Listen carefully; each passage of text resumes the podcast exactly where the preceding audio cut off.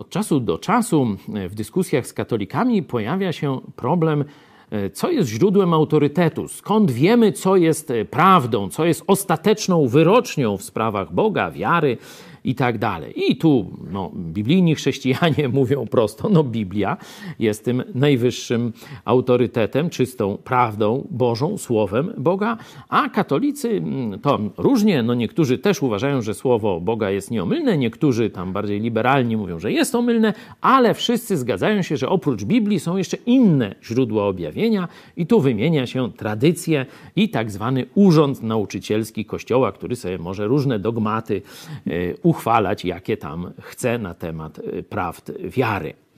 Chciałem Wam przeczytać, co na ten temat napisał mm, no, człowiek posądzany o to, że tak najmądrzejszy jest. To jest Księga Przypowieści Salomona, 30 rozdział. On tam bierze jednego z mędrców, naukowców do e, rozważania i jego cytuje.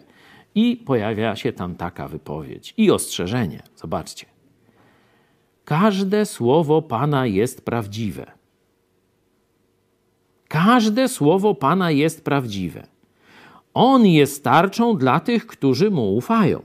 Czyli Bóg stoi za tymi, którzy ufają w każde Jego słowo. I dalej jest o dodawaniu innych źródeł, autorytetu.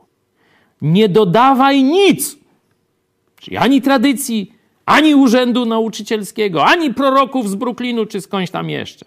Nie dodawaj nic do jego słów, aby cię nie zganił i nie uznał za kłamcę.